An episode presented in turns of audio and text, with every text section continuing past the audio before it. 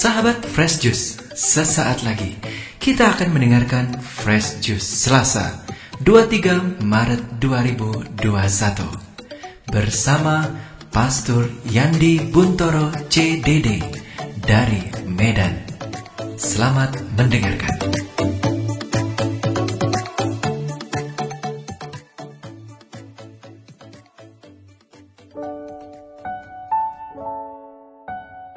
Teman-teman pendengar dan pewarta Daily Fresh yang saya cintai. Kembali berjumpa dengan saya, Pastor Johannes Yandi Buntoro, CDD, di tempat tugas saya di Paroki Kristus Raja di kota Medan.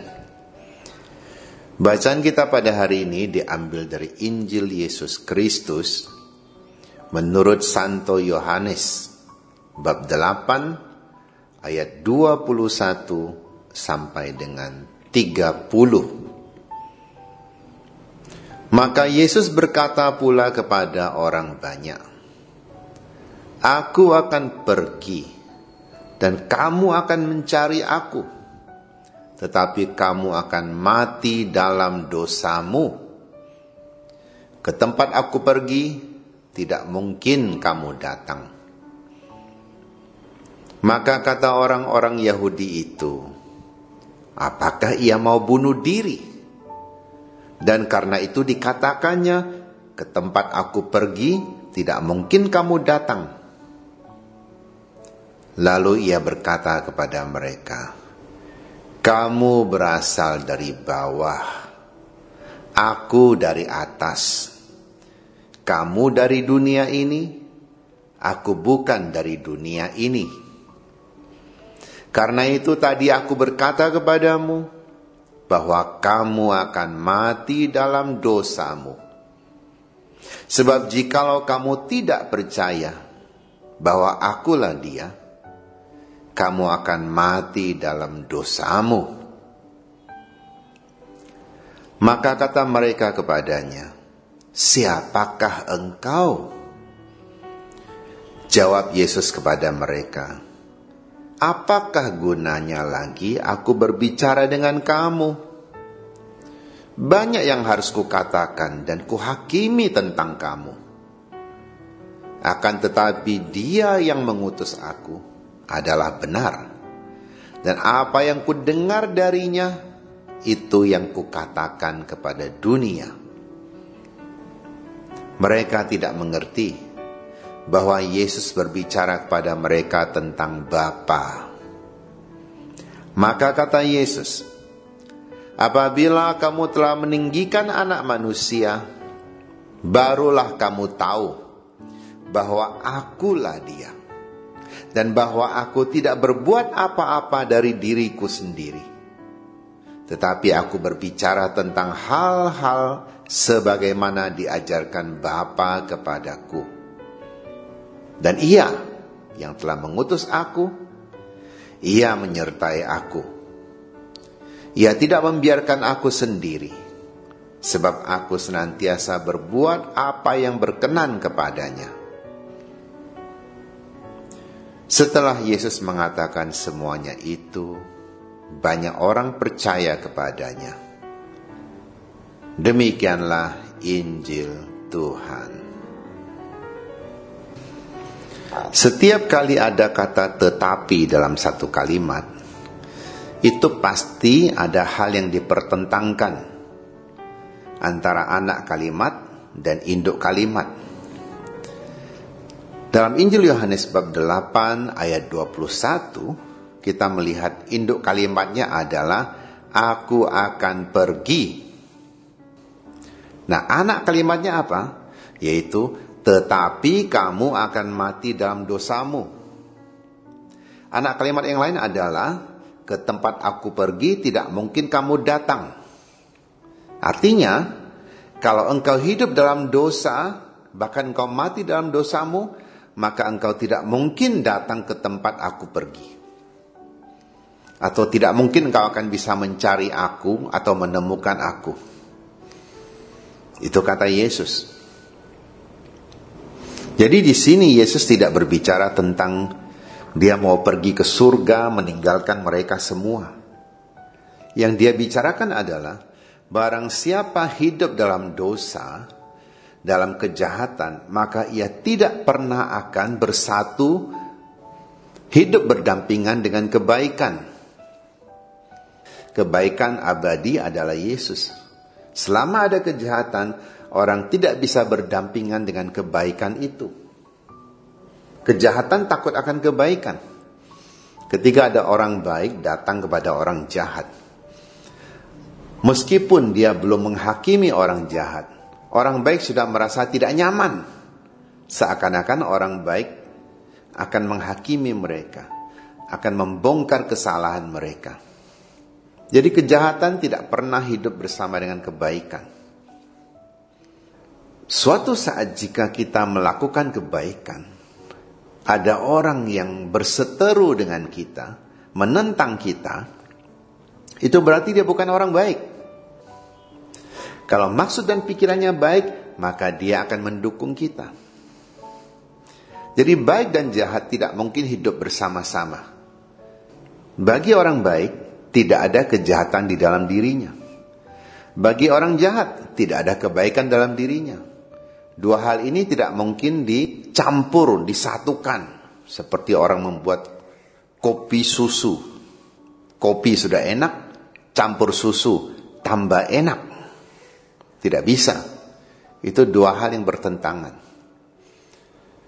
Maka meskipun ada orang yang mungkin rajin berdoa, Bahkan berdoanya ini cukup dramatis, ya. banyak gaya. Entah bahasanya bagus, bahasanya banyak, sikapnya begitu menyentuh hati ketika berdoa. Pokoknya membuat orang tertarik. Tapi dia masih menggosip orang, dia masih menjelek-jelekan orang, dia masih dendam kepada sesama, dia masih mengambil keuntungan dari orang, merugikan orang lain. Maka apa yang dia buat itu hanya sandiwara, hanya drama saja. Kita lihat zaman sekarang orang suka mendramatisasi apa pun juga. Kadang-kadang dilebih-lebihkan. Kenapa? Karena penonton suka drama. Orang-orang sekeliling kita ini suka nonton drama. Hal-hal yang biasa saja kalau didramakan banyak orang tertarik. Jadi kesalehan tidak mungkin dia sejalan dengan kejahatan. Selama kita masih hidup tidak benar, segala kesalehan kita itu hanya usaha untuk meyakinkan orang bahwa saya ini baik, bahwa saya ini saleh, bahwa saya ini religius. Tapi di mata Tuhan semua itu palsu. Kalaupun kita sendiri merasa sudah sangat religius, ketika orang lain melihat kita berdoa, orang lain juga tersentuh. Tapi selama hidup kita tidak benar, sebenarnya kita ini hanya menipu diri sendiri merasa seakan-akan sudah benar, padahal belum benar.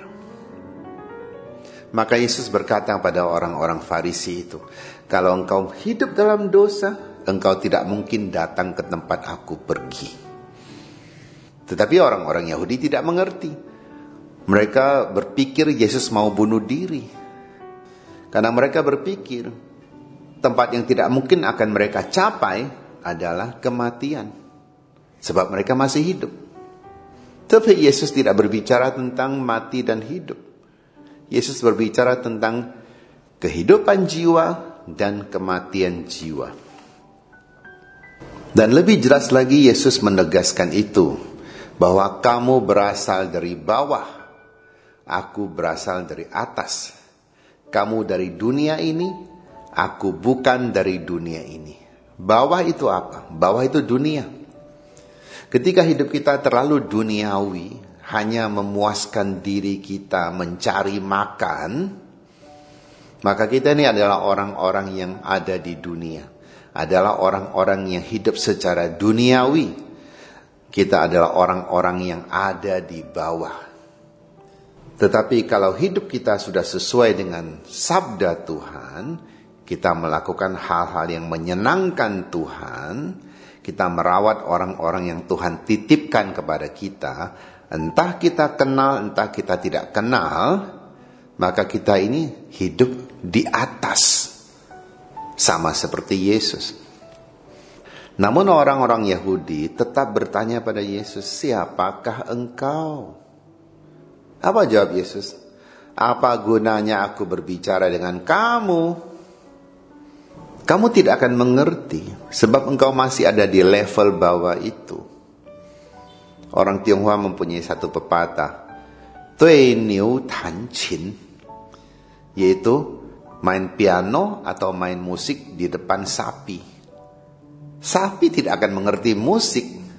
Jadi kau main musik sebagus apa pun juga, sapi tidak akan mengerti. Bisa saja ada irama sedikit lalu dia ikut goyang-goyang sedikit. Tetapi apakah dia mengerti musik? Dia tidak mengerti. Sama ketika Yesus berbicara tentang sesuatu yang ada di atas. Tentang kasih dan pengorbanan. Bagi orang-orang itu sulit diterima. Sebab di depan mata mereka hanya ada Mata dibalas dengan mata, gigi dibalas dengan gigi. Kalau engkau baik terhadap saya, mungkin saya baik terhadap engkau juga. Kalau engkau tidak pernah baik terhadap saya, buat apa saya baik terhadap kamu? Ini pikiran orang-orang dunia. Ajaran Yesus tidak akan dimengerti dan juga tidak akan diterima oleh mereka. Dan terakhir Yesus katakan, Apabila kamu telah meninggikan anak manusia, barulah kamu tahu bahwa akulah dia. Akulah dia artinya, aku yang telah mengatakan ini dan aku tidak berdusta kepadamu. Aku mengatakan satu kebenaran. Bahwa aku sungguh-sungguh sejalan dengan Bapakku di surga. Kata-kata kamu telah meninggikan anak manusia. Ini tentu saja tidak dimengerti oleh orang-orang Yahudi pada saat itu Bahkan murid-murid pun tidak mengerti. Tapi kita yang sudah menjadi murid Kristus sekarang ini, karena ada Alkitab, ada pengajaran dari gereja, kita mengerti. Anak manusia ditinggikan artinya ia disalibkan. Ia mati untuk umat manusia. Dan itu terjadi setelah Yesus disalibkan, banyak orang bertobat. Banyak orang lalu mengerti bahwa inilah Tuhan yang menjadi manusia yang mengorbankan hidupnya guna memperoleh kehidupan bagi manusia yang seharusnya mati. Kalau saya sekarang bertanya kepada Anda, maukah Anda pergi ke tempat Yesus pergi? Tentu kita katakan mau. Sekarang mau? Tentu kita katakan tidak mau sekarang lah. Tunggu dulu, saya masih mau menikmati hidup. Oke. Tapi sebelum kita sungguh-sungguh mati pun, ketika kita melakukan apa yang Tuhan perintahkan kepada kita, kita sudah ada di tempat Yesus pergi. Kita sudah ada dalam suasana surgawi. Semoga Tuhan membantu kita mengerti akan kata-kata Yesus yang tidak gampang untuk dimengerti. Tetapi lewat penjelasan saya di atas, moga-moga kita menjadi lebih mengerti bahwa kejahatan tidak mungkin bersatu dengan kebaikan. Satu-satunya cara untuk bersatu dengan kebaikan adalah kalau kita meninggalkan kejahatan itu dan mulai berbuat baik, mulai hidup baik, maka kita bersatu dengan kebaikan, yaitu Tuhan sendiri. Semoga. Mari kita akhiri renungan kita pada hari ini dengan memohon berkat Tuhan. Tuhan sertamu. Semoga kita bersama keluarga kita dan karya-karya kita diberkati oleh Allah yang Maha Kuasa.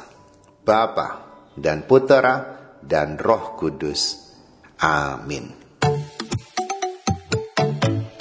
Sahabat Fresh Juice, kita baru saja mendengarkan Fresh Juice Selasa 23 Maret 2021. Saya Yofi Setiawan beserta segenap tim Fresh Juice mengucapkan terima kasih kepada Pastor Yandi Buntoro untuk renungannya pada hari ini. Sampai berjumpa kembali dalam Fresh Juice edisi selanjutnya. Salam Fresh Juice.